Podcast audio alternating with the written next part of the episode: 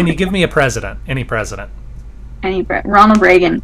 Ronald. You are qualified to be on the podcast. Congratulations. Congratulations. Good evening and welcome to Presidential Deathmatch, the only presidential debates that matter. My name is Aaron Garrett, and joining me as always is Dennis Buddy. Hello. Tonight on the program, how many Irish people are in Manhattan? Tennessee's bold new plan for creating more beachfront property, and the middle class want more rights. What does that mean for your weekend? Tonight on the program, Riley Smith will be guest moderating a debate over which president would make the best antagonist for Bugs Bunny. Dennis and I will be using a Bush Dukakis style debate, which means the person who doesn't look silly in an army hat wins. Riley, how are you doing? Uh, Riley is a guest. Riley, uh, where do you come from? What do you do? I um right now I come from vaguely around Los Angeles, and I am a freelance comedy writer and marketer.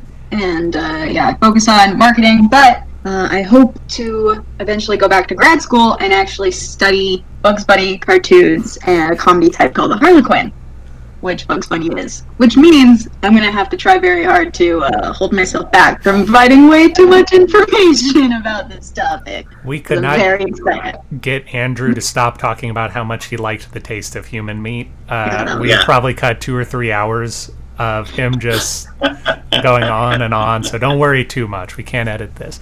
Before we jump, himself. It was mostly about tasting himself. uh, before we jump into the meat of today's program, we want to hey.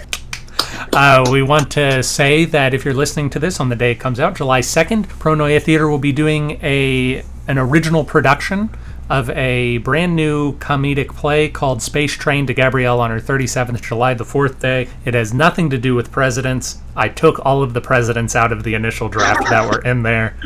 So it is completely president free comedy. Uh, it should be really fun. You can see it at pronoiatheater.com slash live, or you can see it on our Facebook page.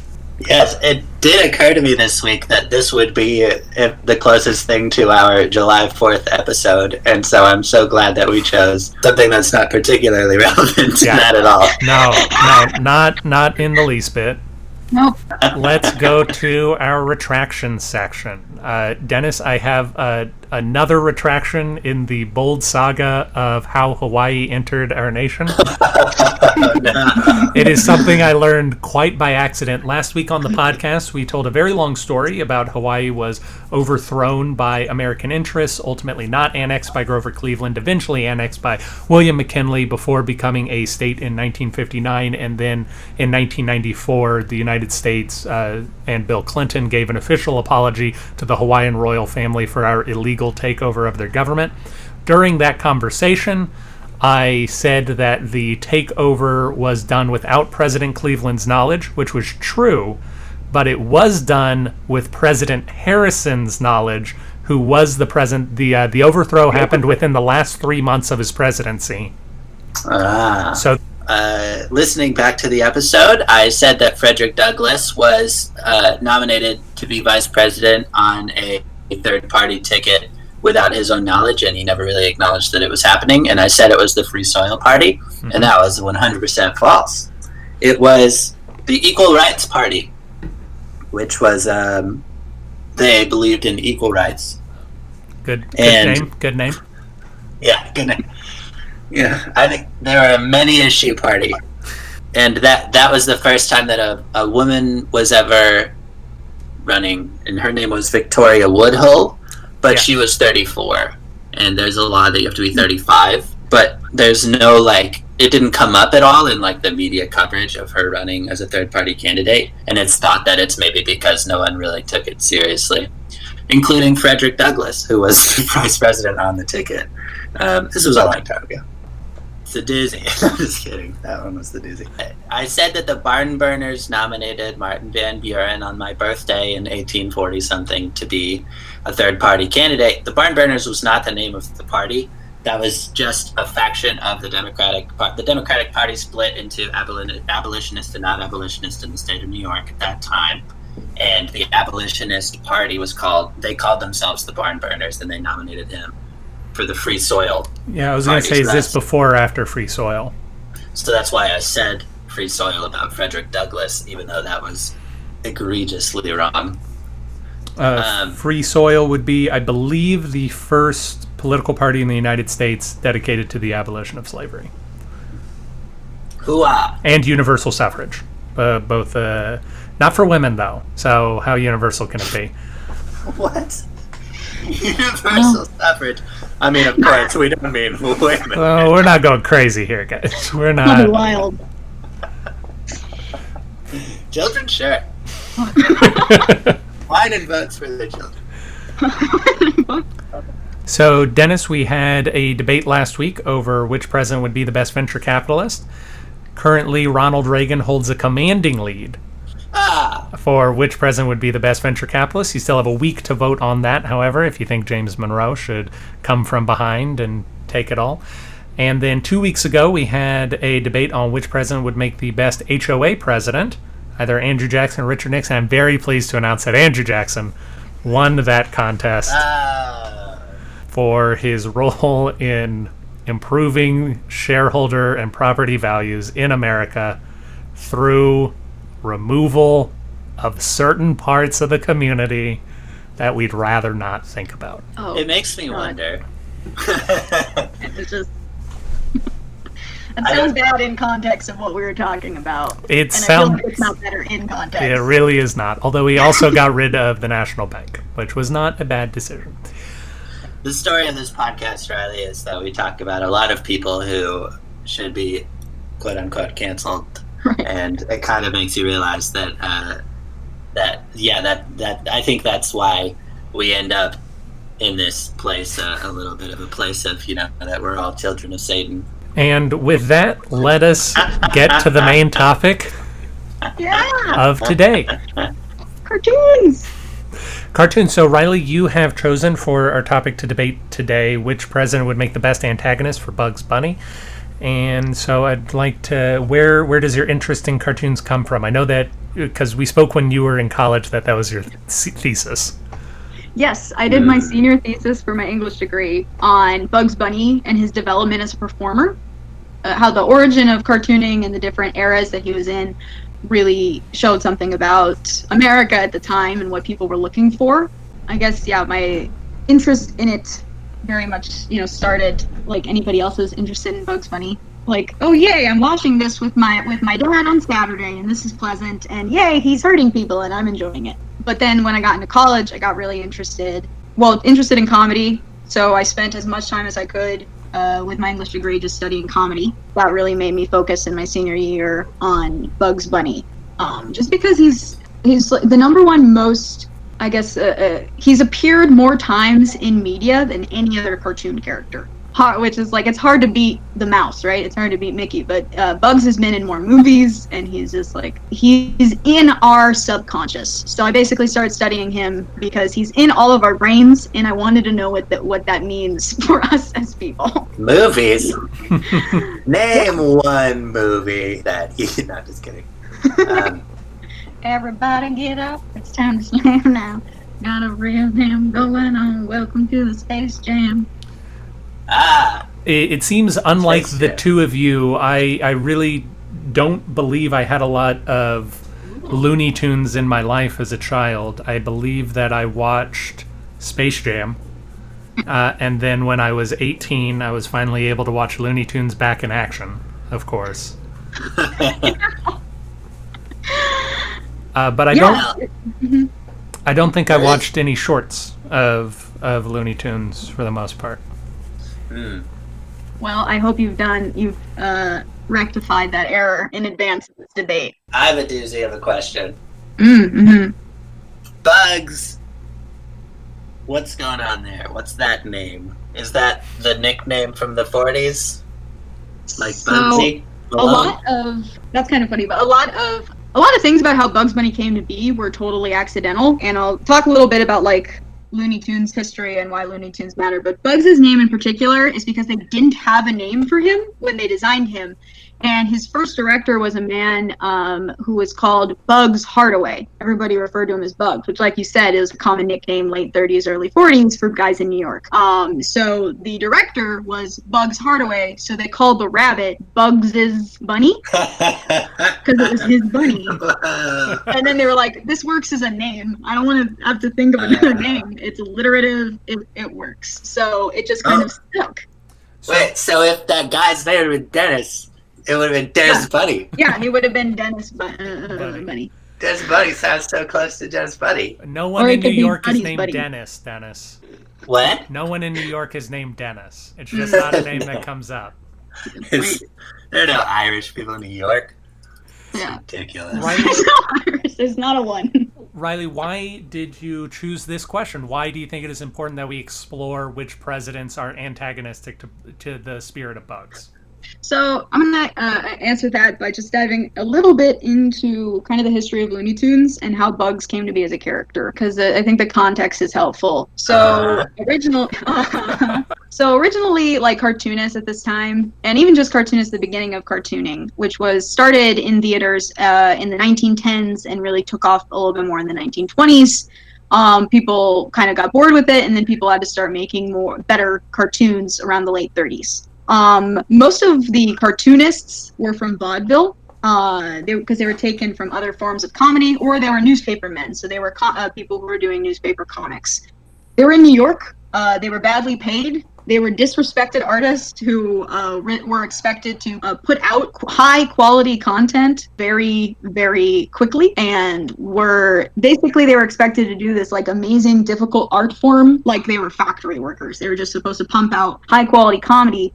So what you get with a lot of these comedy studios is their favorite thing to do is bite the hand that feeds them. Uh, they were young guys, they were pissed off, they were artists, they were creatives, they were guys who thought they were funny, and so their favorite thing to do was to make fun of the studio who hired them. The cartoons were very much made for adults. Uh, the audience was adult working class American um, who's out late at a movie. They the cartoons weren't even usually played at the like kids for kids. The idea was not. It was for like the late night movies. So you'd see violence, sex, suicide. Um, in Felix the cat's first appearance in a mo- in a movie cartoon, uh, he finds out that he's a dad. He's got 15 kittens, so he tries to kill himself by toxic gas inhalation. This is this is this is traumatic, but off topic. Fade to black. That's what they wrote in the script.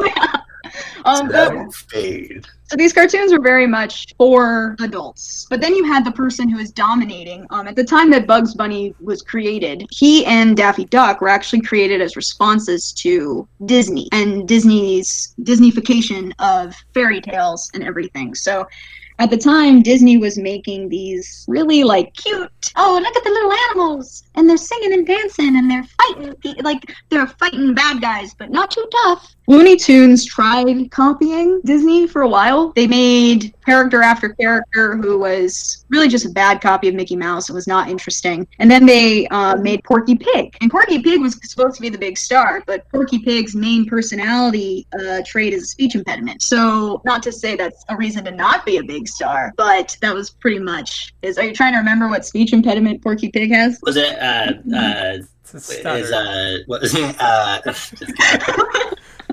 yeah, well done. yep. Yeah, he nailed it.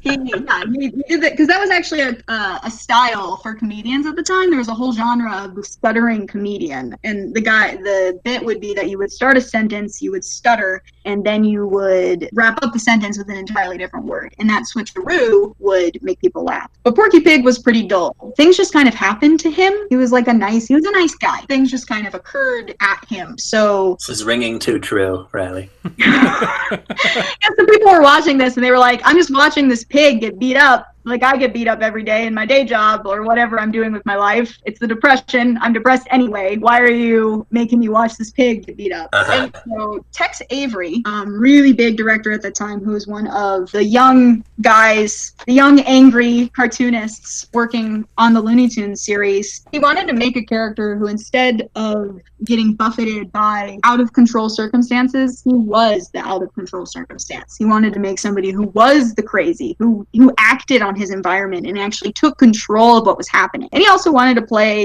a little bit more with uh, uh, the magic that cartoons can do because they're not real, so they can do whatever they want. So, so they don't have to just go to work. Yeah, like, it doesn't have struggle to with their boss.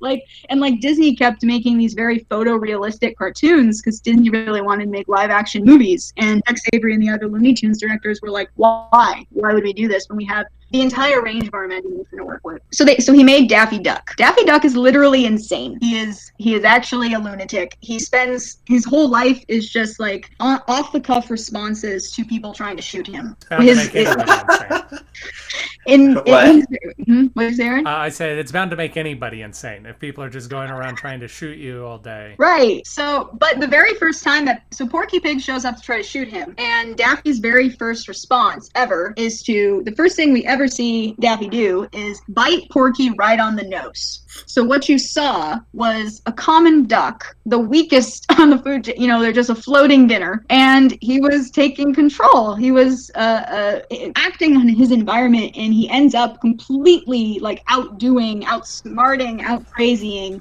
the hunter, the aggressor. So Porky Pig just ends up being this unhappy straight man when and so from then on you always saw Porky in some kind of position of power and Daffy Duck essentially abusing him. And that became like their dynamic. Bugs Bunny was originally made uh, to basically copy that success because Daffy Duck was an instant hit. People loved this anarchist character and Daffy Duck is anarchist in the way that he behaves in his original incarnation in the late 30s. And they, the people who created him, wanted that attitude. And so Bugs actually came from that attitude, and they wanted to do the same thing. But very quickly, Bugs kind of got his own personality, and he became much more inspired by being the every being the everyman. He has that Brooklyn Bronx accent. It's very decidedly like a hybrid uh, between these like two kind of common every guy for the time everyman American accents. Um, every Dennis, they said. yeah.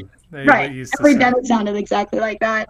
Um, and he wasn't so much crazy. He started out crazy like Daffy, but they kind of shifted his personality, and he became much more magic. It, the what he could do, the things that he could do, and his kind of calm in the face of adversity is actually very reminiscent and very much derived from trickster god tales. So a lot of Bugs Bunny's earliest incarnation is very much like Brer Rabbit, who's tales are a combination of the trickster spider god and Anansi from Africa being combined with some rabbit stories that were already in the US. So Bugs Bunny is a vaudeville magician. Uh, he's a little underdog fluffy bunny rabbit, and he's also a god. And he's my favorite type of god and my favorite type of mythology, which is the God who punishes humans with hubris, or humans with greed, or humans who don't care about other people. What do gods do to humans like that who act against them? They drop an anvil on them. So I think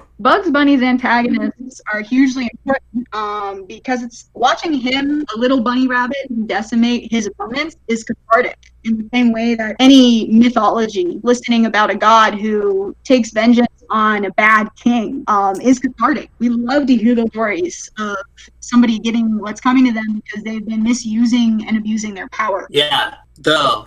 So, yeah, so I was going to let you talk. So I think it's interesting though because you sent us the clip of the first one they did. Yeah. And it's Elmer Fudd. And what's and Elmer Fudd is a he's a lasting character, and I think what's so beautiful about him is that you kind of feel like his heart's not in it.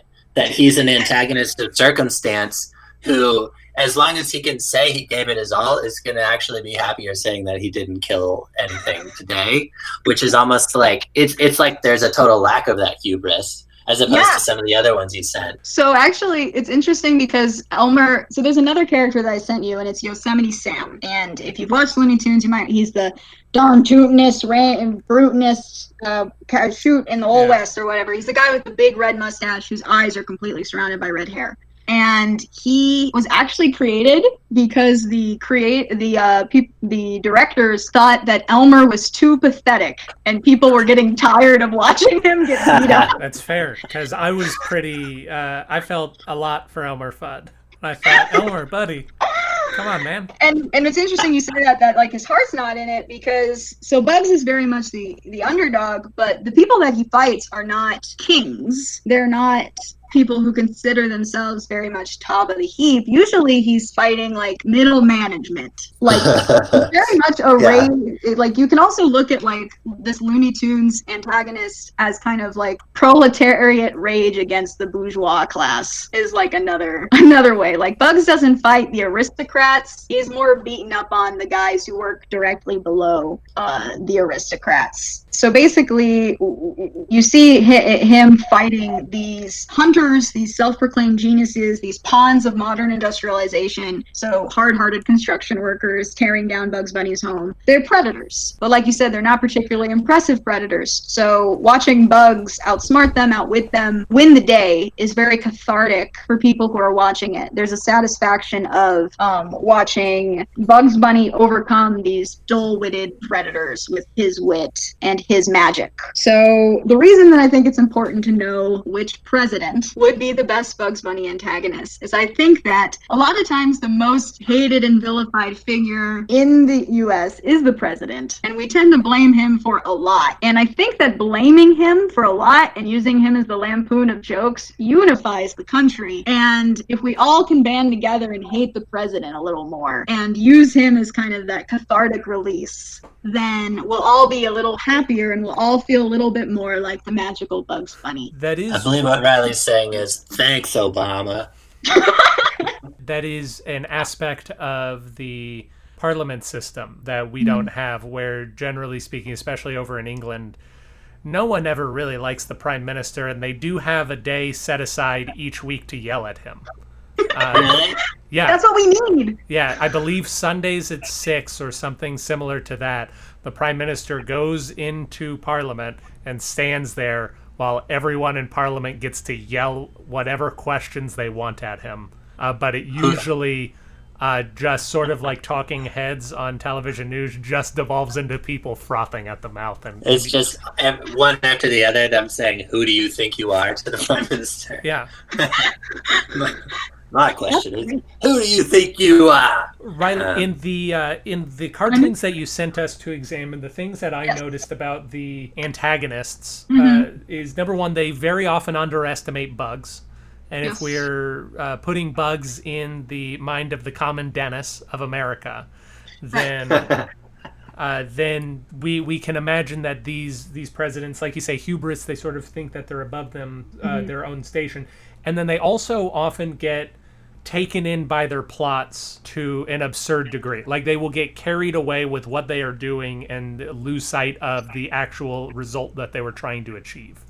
Yes, and they're not and they're not flexible thinkers. Once they have a plan, it doesn't matter what circumstances occur, they're going to follow through on that plan. Another thing that I really like about Bugs Bunny, especially in the shorts that you sent us, is that uh, Bugs himself is a pretty humble individual who doesn't seem to mind uh, letting his opponents think that they've won for any amount of time. As long as he's okay, as long as he gets what he wants, they can think whatever they want about the interaction. He's not worried about his legacy, quote unquote. Yeah. hmm I think that the Yosemite Sam one made me laugh the most in this section where he because they're on a pirate ship and he goes into the little window hole and then Yosemite Sam's like, haha, he's in there and opens the window hole and he gets shot with a cannon and then Bugs Bunny pops out of the next window hole and he gets shot with it. He just falls for the same trick like nine times. And then and the whole thing has just been them just leaving behind segments. So then they just move on to a segment where for like a full minute Bugs Bunny's just going in and out of four doors, and Yosemite Sam's just going in and out of the same doors, and they're just playing the music. And then finally, you're just like, what is happening? And finally, Yosemite Sam opens the door, and there's a cannon there somehow. And he gets, he gets shot again with a cannon. I love Yeah. that. And I, I think one of my favorite things too is, like I said, like with uh, with a lot of my research, I see a lot of parallels between Bugs Bunny and Trickster Gods. But there's also an ambiguity between whether he's really, really talented or the people he's fighting are just that dumb, I, yeah. which there's- I enjoy. There is at least in the Wiley Coyote bit, which I had never heard Wiley Coyote speak before. That was Yeah. that was a new experience for me. there was at least the one part where he div- he knew the coyote's plan far enough in advance that he made his own explosive duplicate, and he not only knew the plan far enough to make his own explosive uh, explosive duplicate, he had already improved upon it because Wiley Coyote put a time bomb in the fake rabbit, whereas Bugs had a uh, a trigger that he could control, so he knew to wait. Uh, and that shows at least a level of thinking on Bugs's part. But it's interesting just thinking about stories in general is that the like the the protagonist like I've you know I've heard it said that you can you can like throw things at them that are out of nowhere that don't that don't feel inevitable as long as they're terrible things. If you throw something at them you throw them a bone then that's like deus ex machina like god helping the, the hero. And then the viewer starts to get a little bit like oh well if the writer's just going to save my character whenever then he's not a real hero. And what's interesting is that bugs bunny can pull dynamite out of nowhere at all times. And I think the first thought that I had when when when Aaron texted me and said that Riley wants to do a Looney T- a uh, Bugs Bunny antagonist was. Is there a Bugs Bunny antagonist, or is there a protagonist to Is Bugs? Bunny? Is he? Yeah. Are they victims? Are they unknowing victims? Did I mean in a lot of cases they started, which is also I think a funny. It, like this could be a whole investigation into American ethics what exactly does it mean when somebody starts it. Like Bugs drives so many of his attackers to literal insanity Yeah. because of his violence and like home invasion and all like ruining their lives.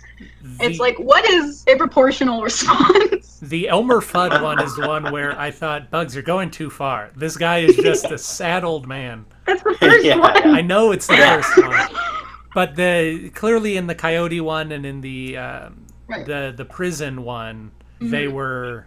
Although Bugs got out of that prison really quick and he decided to hang around.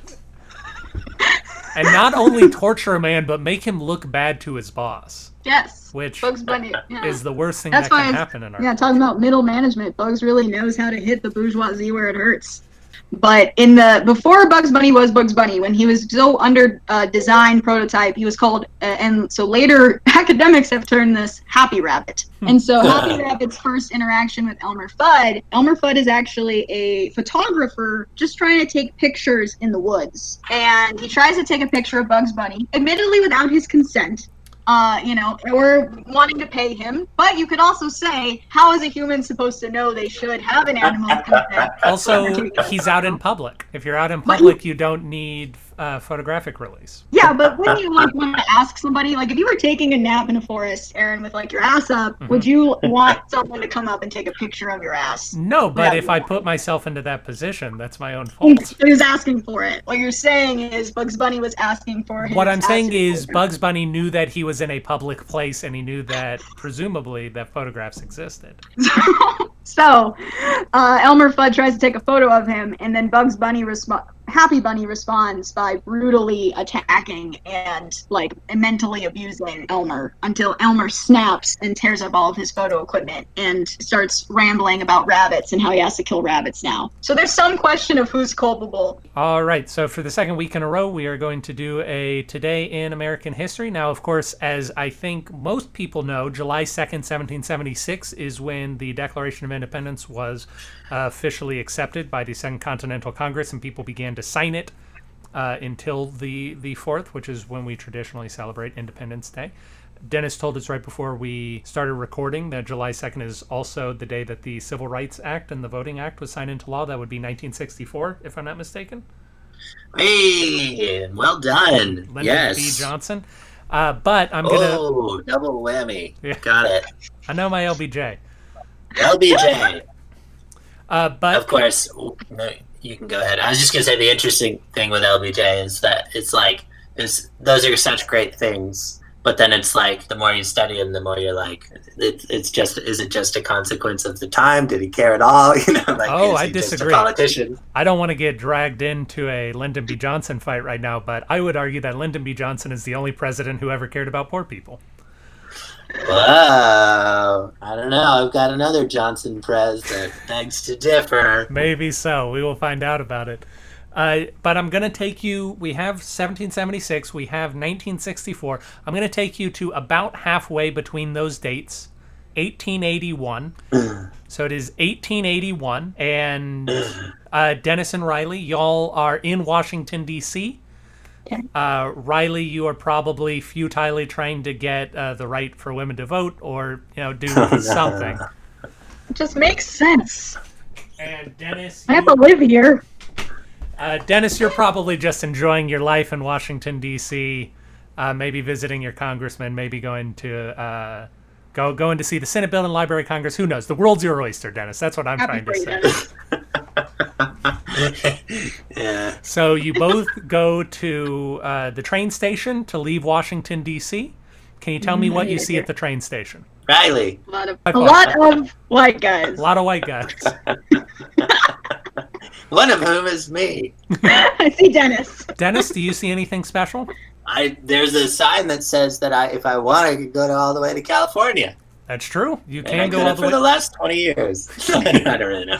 That's fine. Um, really exciting stuff. You see the uh, relatively new president of the United States. He's the youngest president we've ever had. He's a president really for the people. That's exciting. He's on the he's on the train. He he seems like he's going to do a lot of a lot of good. Oh no. President uh, James Garfield. Ah, yes. You see James Garfield. You're waving to James Garfield, and then what happens? he chokes No, on President Garfield, no. He's shot, of course, by Charles Guiteau. Uh, and but don't worry, he's not dead. He's not dead. I, I'm sorry. I'm sorry. I, it made it might have made it sound like uh, he died from being shot by Charles Guiteau.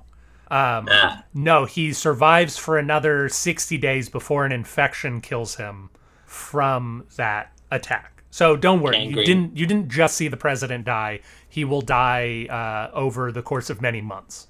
right. Uh, I saw this. him shot in the head, leading to an excruciating effect infection that will take two months to kill him. Uh, well, in the stomach. Oh, okay. I don't know why I saw in the head. I don't know. I saw what I saw, Aaron. That's true. it It all it all happened in a blur. the uh, back then guns were like a lot more like paintball guns, just with metal balls instead of paintballs. They, they, they had a lot of trouble doing real damage. Riley, Other than Riley, you think you can hear the assassin shouting something? What what do you think the assassin is shouting? Oh, I've definitely heard this before. I don't. I, I can't remember. All I can remember is the image of that paintball-esque bullet into his body. Splatting onto his head. Of course, Charles Right. Guiteau is shouting. I Uh, loved you and I always will love you. He may have said that, uh, but Never he says, Kojak. "I am a stalwart of stalwarts. Arthur is the president now." Uh, because he thinks that he will be given an ambassadorship to France if Chester A. Arthur becomes president. As they all do. Yeah, this, of As they all do. does not happen. Johnny Cash has a song about that. Yeah, About the like assassination. Yeah, it's basically he's like the whole country was really sad because everybody was very hopeful, and then he got shot. And I'm like, Johnny Cash, why didn't you like make a song about when like JFK got shot? But no, he made one about Garfield getting shot. he should be canceled. Yeah, it's actually it's uh, Garfield and uh, McKinley was really not that long later, and also was shot and then didn't die until a bit later from an infection related to the wound. It's true. It was a great time in American history for infections related to gunshot wounds killing presidents. It's sad Yeah. that as medicine got better at treating infections, guns got better at killing you just uh, outright. That's just capitalism, baby. That's how. I thought you were. I thought you were gonna say that it's sad that as uh, medicine got better, the frequency of assassinations went down, and I was like, we need to reframe. But then, what you said just was actually really sad and not fit for the tone of the podcast. And on that note, Just kidding. uh, we will go to break. When we return, Riley will moderate a debate between Dennis and I about which president would make the best antagonist for Bugs Bunny.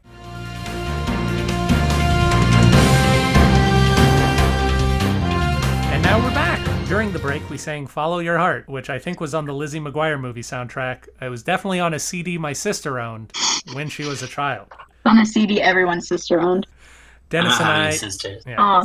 so it's, it's on a. CD Dennis owned. Well, I do now. Actually, I have two sisters now What? through marriage and stuff. Oh, okay. I was I got- like, Dennis and I are going to debate which president would make the best antagonist for Bugs Bunny. I have chosen 10th President of the United States, John Tyler, and Dennis has chosen 17th President of the United States, Uh, Tennessee Johnson. Tennessee Johnson. That's also the- known. I'm sorry, but the name sounds like I don't mean to already be like a point to, over here. Tennessee Johnson, His name's Sounds not like- Tennessee Johnson. a Looney Tunes bad guy. His name is not Tennessee Johnson. It's Andrew Johnson. Andrew, son of John.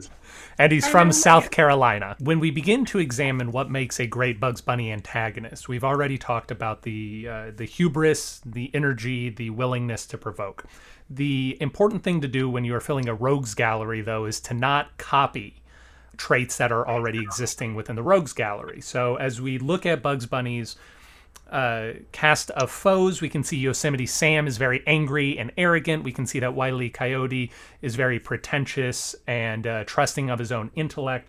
We can see that Daffy Duck is uh, crazy and self interested. So, uh, although we could point to different presidents that share these traits, we want to find something new. And I think the only president that really offers a new take on hubris is uh, President John Tyler, who is a man who is um, so trusting in his value, own integrity, that he can be made to do any number of things through psychological trickery, uh, which is something that Bugs has in his arsenal, but is usually not dealt with uh, for for physical things. And then John Tyler also has the necessary, let's call it, um, douchiness that we want to see in a Bugs Bunny villain. Uh, he is the closest president we have to a, a a Southern gentleman. He was a Virginian man.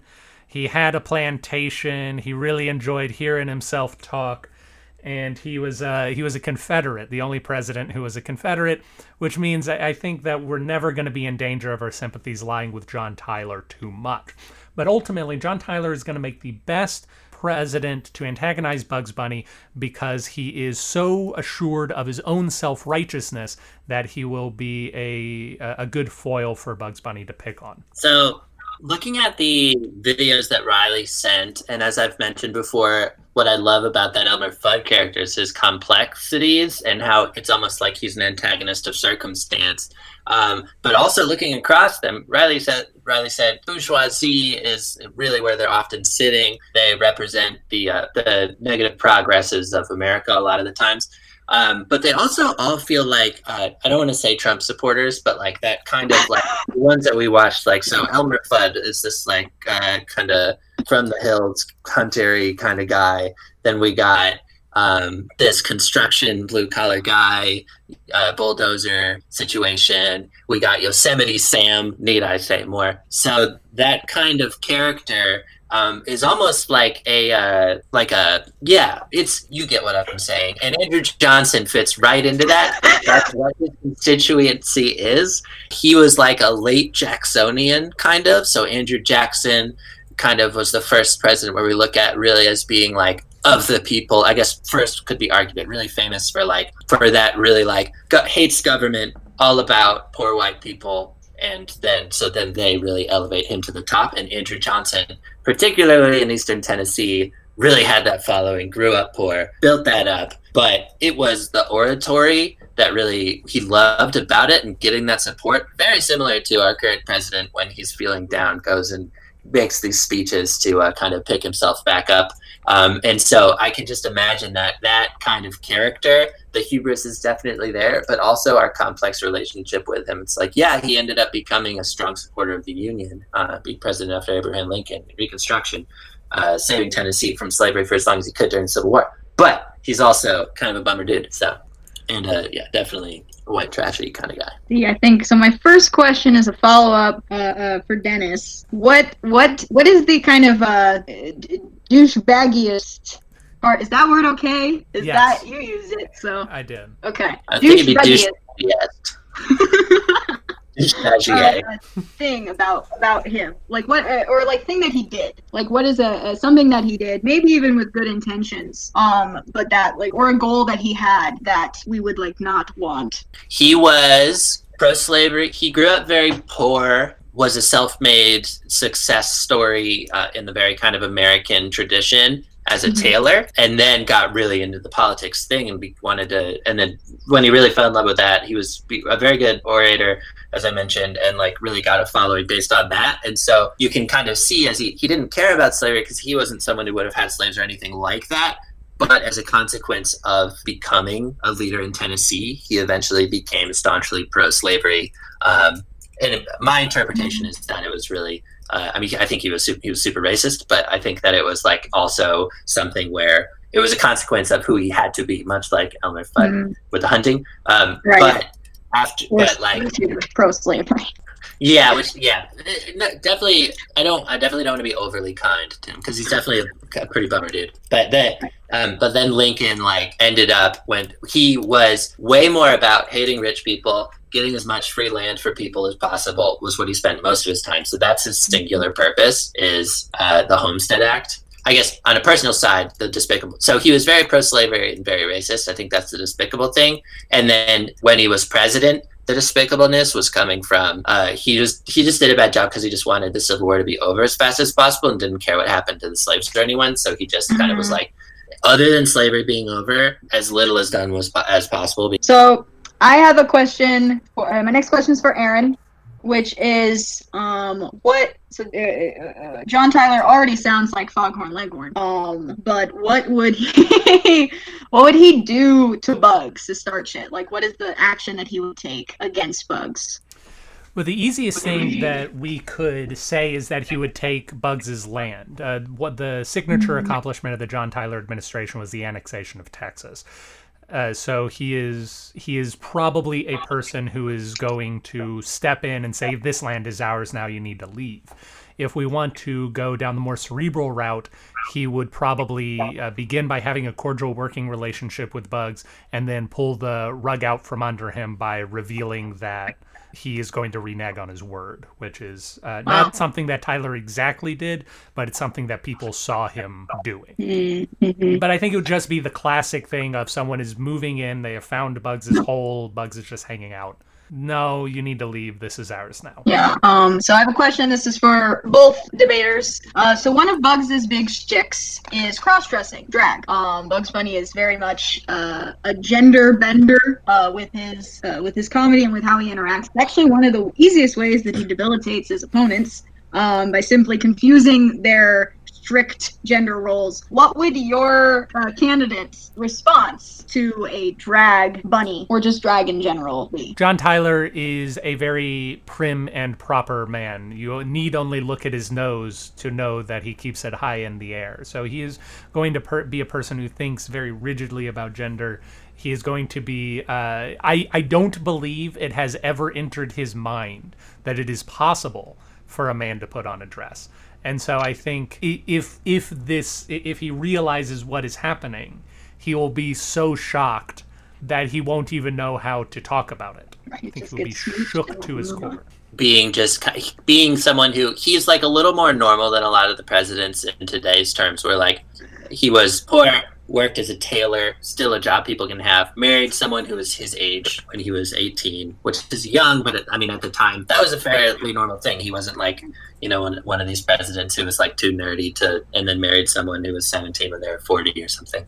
So i think just like and then he you know was in the civil war as a warrior and stuff and really people were trying to kill him a lot of the time. So I think he would be fairly unfazed by a lot by that time. Uh, but of course, also, yeah, I don't know. He was pretty. He was, I think, uh, he was very, you know, hands off. Government was his whole thing. Like he was Jacksonian and stuff. So I would say that maybe points to a little bit too that he's ready for the for he he might elect for people to be free as he did with the Civil War. Can uh, may I put in a note? I think that Andrew Johnson would be uh, first taken in by the quality of the the tailoring of the garments themselves. I think True. that would be his first interest: is how well are these garments crafted. Yes, but will it hold up? Yeah, Will it hold up to time? Because that's what I'm going for. really. So another big aspect of Bugs Bunny's uh, enemies are that they are actually their own worst enemy. Uh, they will literally shoot themselves in the face. So you have the colloquial phrase "shoot yourself in the foot." Bugs Bunny's people often shoot themselves in the face. In what way is your candidate his own worst enemy? Uh, I will. I will tell you an anecdote, which is that at Lincoln's second inauguration, Lincoln, Lincoln, very famous uh, speech he gave, but before he gave a speech, Andrew Johnson gave a speech. Um, this was in the morning, his first introduction as vice president. And the night before, he'd been on a celebratory bender, and so he was super hungover in the morning. And to deal with the hangover, had three whiskeys, and just stood up there drunkenly, stage whispering to people, asking what other people's names were, and until someone literally just said, "Take it away." Um, and that was yeah, that was how he started his vice presidency, then to become presidency. Uh, and this is also during the Civil War when people are dying everywhere. So um, I forgot what the question was, but that's my anecdote. That's how he's his own worst enemy. Oh, yeah, okay. Celebrated, got on a drunk bender. I think that both Andrew Johnson and John Tyler uh, have a a similar mode for how they are their own worst enemy, and that is they are both presidents who took over early in the terms of highly popular presidents. So they were both very much no one wanted them in charge, and they didn't do anything to make friends. And the big Yeah. thing that Tyler is going to do is he is going to act imperious and he's going to say, No, I am the president. I get to have these powers. I get to do what it is I want to do. And then he's going to turn around and he's going to see that he has alienated all of his friends who could help him in his battle against the bunny. So I can see, you know, John Tyler after a, a few beats with Bugs down to his underwear, uh, five o'clock shadow growing out of his face, and he's groveling at the door of Daniel Webster and, and praying for just some help. And Daniel just turns and he slams the door in his face. And then uh, someone comes by and drops like a penny in John Tyler's uh, shaving tin or something similar. But the the main thing is uh, John Tyler is going to act as though he doesn't need anybody, but of course, in politics, you always need people. That's well said. Yeah, similar thing with uh, Andrew Johnson. He had beef with James K. Polk and Everyone. Jefferson Davis. I think just because they were both rich. They both are quoted saying, "I don't know why he doesn't like me." so, Uh, Andrew Johnson, if I can step in for a moment, Andrew Johnson had such a huge chip on his shoulder about being poor. yeah, and yeah, and the class was still a, a very big thing in America at the time, and so people would often mock him for being a tailor. Pe- people would say you are not fit to hold office because you were a blue collar worker, and so at least part of his Civil War policies were just driven by, I just want to screw over every aristocratic asshole who has ever dunked on me. right. Which is largely what it meant to be pro-slavery at the time too, because it was so much of this, um, these massive plantation owners and stuff, which is why he was like didn't really care about changing on that because he was like he yeah Jefferson Davis did say at one point say that that he said that someone like a tailor would not be fit to make decisions like this from because he was like I'm from West Point Taylor could never do what I do which I did also learn that uh, when he says could do what I do one of those things was while he was the Secretary of War which is like Secretary of Defense he uh, tried out camels in the Southwest like for the army is one of his big uh, initiatives. Innovation, Dennis. That's called innovation. yeah, I think it's awesome. he, A- A- Aaron's implication last week was that he was actually pretty good at that job, though, and um, as Aaron put it, created the uh, massive army that would then come to crush him in the Civil War. So, Yeah, sadly, we could not pick Jefferson Davis as the best Bugs Bunny antagonist because I do think he would win. yeah, Um, yeah, that. Oh my God, though. Actually, everything about that fits. He's kind of reluctant to be there, but not reluctant enough for us to feel bad that he's losing. Yeah. And his singular purpose is something we don't like, nor does Bugs like. That's perfect. but sadly, that is neither of your options. Do we have time for uh, one more, at least one more question? Of I have course. no idea how long. Okay. I'm into it. So, one of my favorite favorite episodes, and actually, I didn't send this one to you guys because Bugs doesn't really have an antagonist in this one. He, I, I, when you said earlier, Aaron, this rabbit terrorist, this this specific episode is very much. It's called Rebel Rabbit, and Bugs Bunny gets mad because the game commissioner is offering bounties on different animals, and bears are worth seventy five dollars, and foxes are worth fifty dollars, and rabbits are two cents. Oh So no. Bugs gets pissed off, and he and he mails himself to the game commissioner in Washington D.C. and he says, "Okay, sir, why is why am are rabbits only worth two cents?" And the game commissioner says, "Well, other animals are obnoxious. Rabbits are just like sweet little things who would never hurt anybody." And Bugs Bunny's, "You want to see obnoxious?" And his response is to go on what can only be described as a vandalism, terrorism jag through the United States. He uh, he uh, hacks into Times Square's light display that says Bugs Bunny was here. Um, he gives Manhattan back to the Indians. That's. He just gives it back. Um, he fills in the Grand Canyon, and in what I think is the most enter- entertaining thing, he uh, saws off Florida and then kicks it into the ocean.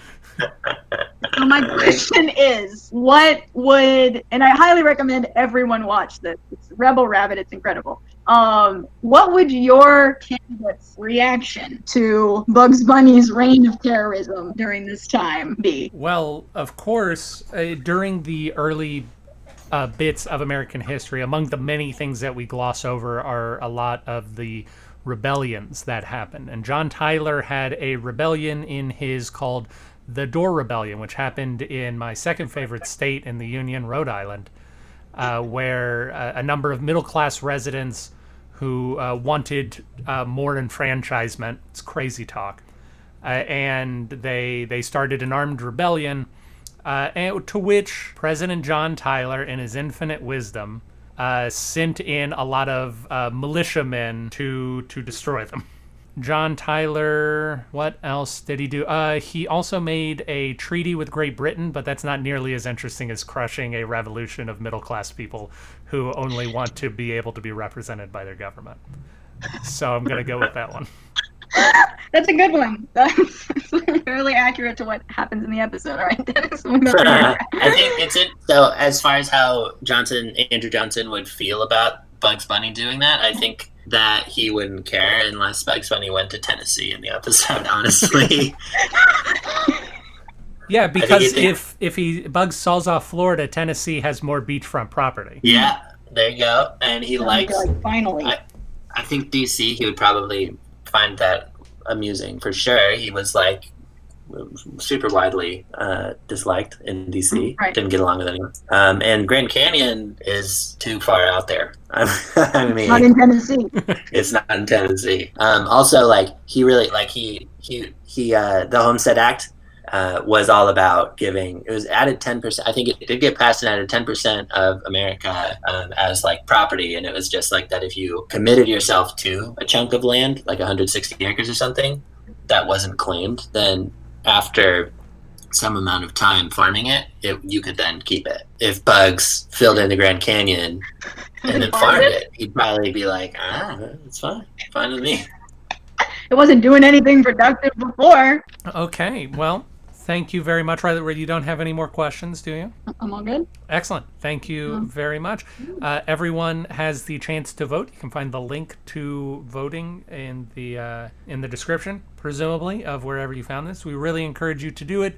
Uh, make your voice heard in this very important conversation. Indeed.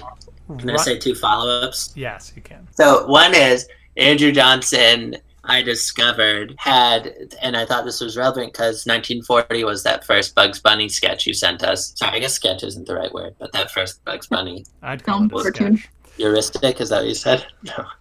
Um, uh, 1942, a movie came out that was a it was called Tennessee Johnson, and it was it was a dramatic like live action film celebrating the life of Andrew Johnson and how he was because he really was a rags to riches story. Like it was, I think it identified that, and then it wanted to kind of show him as like the you know the hero of this of his life of his own life. Um, but the antagonists of the movie were uh, were were just like were just people that were fighting for like abolition and stuff for the first chunk. So I think it didn't work super well. Um, uh, yeah, and then my other anecdote was. Um, oh, was a question for y'all if you're interested. Yeah. So um, I'm curious. So I thought through, like you asked, and like the one of your questions for Aaron, what would uh, Andrew Johnson, uh, Bugs Bunny be like? Yeah. And it was really similar to what Andrew said, A- Aaron said, which is like since he was into like he would go to this unclaimed land and be like, and maybe someone's like, oh, because of the Homestead Act, we can take this land, and then Bugs Bunny would like go to Washington, and then maybe things would happen there, or maybe it'd be something you know else. But I don't know, that's one idea. But it got me thinking with our, because he has some similarities with our current president. What would you what would you think it would be if someone were to make like a Bugs Bunny today, um, not necessarily with like Trump in it, but like in general today, like Mhm. like in the context of today. Well, one straightforward one I thought was like if if he's if Bugs Bunny is like at the site of where they want to put a new pipeline, Yep. that'd be very similar to the construction one that we watched. Yeah, and um, it's actually interesting because Bugs, uh, more often than not, he well, there's that one episode where he helps Christopher Columbus make it to the U.S. make it to America. But more often than not, Bugs Bunny, uh, like there are episodes of him of him being like native or indigenous. Like people come to try to take over places, and then Bugs is there, and then he makes it so they cannot take over, or he takes their boat and then he he rides away and leaves them wherever they are, and then he takes over wherever they came from. But yeah, I think that's definitely one of somebody trying. That would be perfect. Somebody trying to put in a pipeline, and Bugs Bunny beats them up until they do not do that. The other one that makes me think of is like him popping out during a Black Lives Matter protest and not really understanding what's happening, but still getting like tear like either tear gassed or rubber bulleted by a cop, and then spending the rest of the episode just taking down the police. That's the episode Yeah. I want to see. That would be I could def- that fits very nicely. It would be very Yeah. dark and uh, up to date. I like it. Yeah, I think that would be fun. Not that he, he wouldn't even it, he would not even know at the beginning what he was walking around in the middle of, but he would definitely take out the cops, and that would be fun to watch. I like that. Yeah, actually, because one of the things that makes me kind of sad about Bugs Bunny's arc is um, the content, the Bugs Bunny content made in the 90s and 2000s, totally like scrubs him up and cleans him up and takes away like any rebelliousness and just basically turns him into like a good friend and like a sitcom dad. And it's like not at all like what made him interesting to people or what would make him interesting today. I think if someone was to make more shorts. So I like that thinking Isn't about that the progression path we all take though into cool dad? Lane. Yeah, I think most people do that as they get older and decide that they want to own more stuff. In any case, though, uh, you can vote on the winner for the next two weeks at the link that you can see. Riley, where can people find you if they have a desire to do so? Um, the ble- uh, best place right now is social media, which for right now is at Cold Fever with a K on Instagram and Twitter. I'm, I'm not going to explain ever why it's at Cold Fever with a K. Just have to just have to trust me that, that, that there's a reason. And um, I also do comedy for uh, a site called Rendezvous.live. So if you go to Rendezvous.live, click on their comedy channel. There's stuff on there that is me, and also one thing that is Aaron. That's true. So- and maybe one day something that's Dennis. Yes. Aw. Yay! Thanks for throwing my name in, Aaron. Uh, we are not entirely certain what we're going to be talking about next week, but we believe we will be having another guest moderator on, Steven Saltzman, to discuss which president would make the best children's television show or children's album. Wow. Dun, dun, Kind of related, but very different. So join us then, and we will have credits now. Thank you for listening to Presidential Deathmatch. Presidential Deathmatch is a production of Pronoia Theater. You can find out more about us at pronoiatheater.com. We sure would like to hear from you. If you have a thought on this episode or anything else, please email us at contact at pronoiatheater.com. If you enjoyed today's episode, it sure would help if you subscribed, rated, and reviewed us wherever such things are convenient for you. And if you didn't enjoy today's program, why don't you try again next week? We grow on you.